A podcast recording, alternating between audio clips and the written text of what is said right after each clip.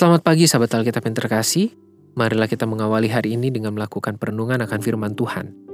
Bacaan Alkitab kita pada hari ini berasal dari kitab Yeremia pasalnya ke-28, ayatnya yang pertama sampai ayatnya yang ke-9. Dalam tahun itu juga, pada permulaan pemerintahan Zedekiah Raja Yehuda, dalam bulan yang kelima tahun yang keempat, berkatalah Nabi Hananya bin Asur yang berasal dari Gibeon itu kepadaku di rumah Tuhan, di depan mata imam-imam dan seluruh rakyat. Beginilah firman Tuhan semesta alam, Allah Israel. Aku telah mematahkanku ke Raja Babel itu. Dalam dua tahun ini, aku akan mengembalikan ke tempat ini segala perkakas rumah Tuhan yang telah diambil dari tempat ini oleh Nebukadnezar Raja Babel dan yang diangkutnya ke Babel. Juga Yekonya bin Yoakim Raja Yehuda beserta semua orang buangan dari Yehuda yang dibawa ke Babel akan ku kembalikan ke tempat ini. Demikianlah firman Tuhan. Sesungguh, aku akan mematahkan kuk Raja Babel itu. Lalu berkatalah Nabi Yeremia kepada Nabi Hananya di depan mata imam-imam dan di depan mata seluruh rakyat yang berdiri di rumah Tuhan itu. Kata Nabi Yeremia, Amin. Moga-moga Tuhan berbuat demikian. Moga-moga Tuhan menepati perkataan-perkataan yang kau nubuatkan itu dengan dikembalikannya perkakas-perkakas rumah Tuhan dan semua orang buangan itu dari Babel ke tempat ini. Hanya, dengarkanlah hendaknya perkataan yang akan kukatakan ke telingamu dan ke telinga seluruh rakyat ini Nabi-nabi yang ada sebelum aku dan sebelum engkau, dari dahulu kala telah bernubuat kepada banyak negeri dan terhadap kerajaan-kerajaan yang besar tentang perang dan malapetaka dan penyakit sampar. Tetapi mengenai seorang nabi yang bernubuat tentang damai sejahtera, jika nubuat nabi itu digenapi, maka barulah ketahuan bahwa nabi itu benar-benar diutus oleh Tuhan.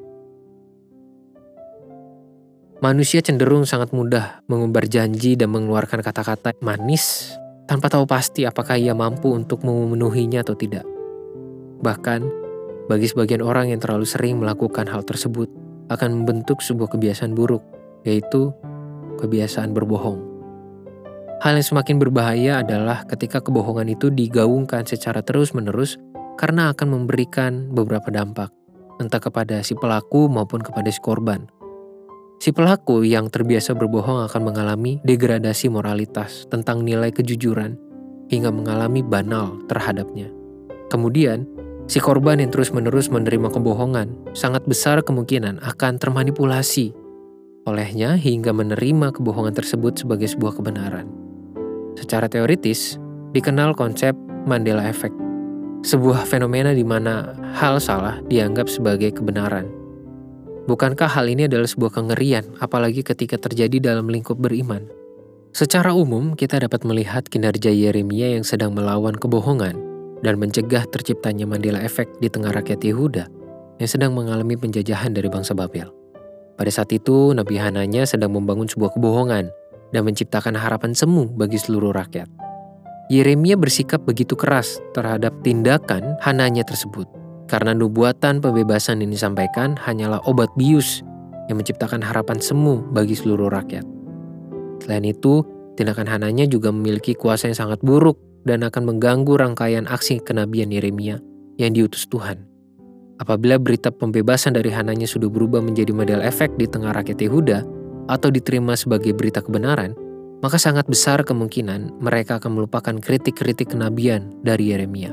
Padahal, seperti yang sudah kita lihat beberapa hari terakhir, bahwa setiap perkataan Tuhan melalui Yeremia adalah kebenaran sejati yang mendidik mereka untuk mengalami transformasi iman dan kehidupan di dalam Tuhan.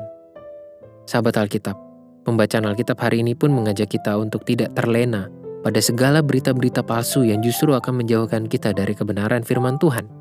Segala teguran yang muncul di dalam hati yang berlandaskan firman Tuhan merupakan pembentukan moralitas dan transformasi di dalam Tuhan, Sang Kebenaran.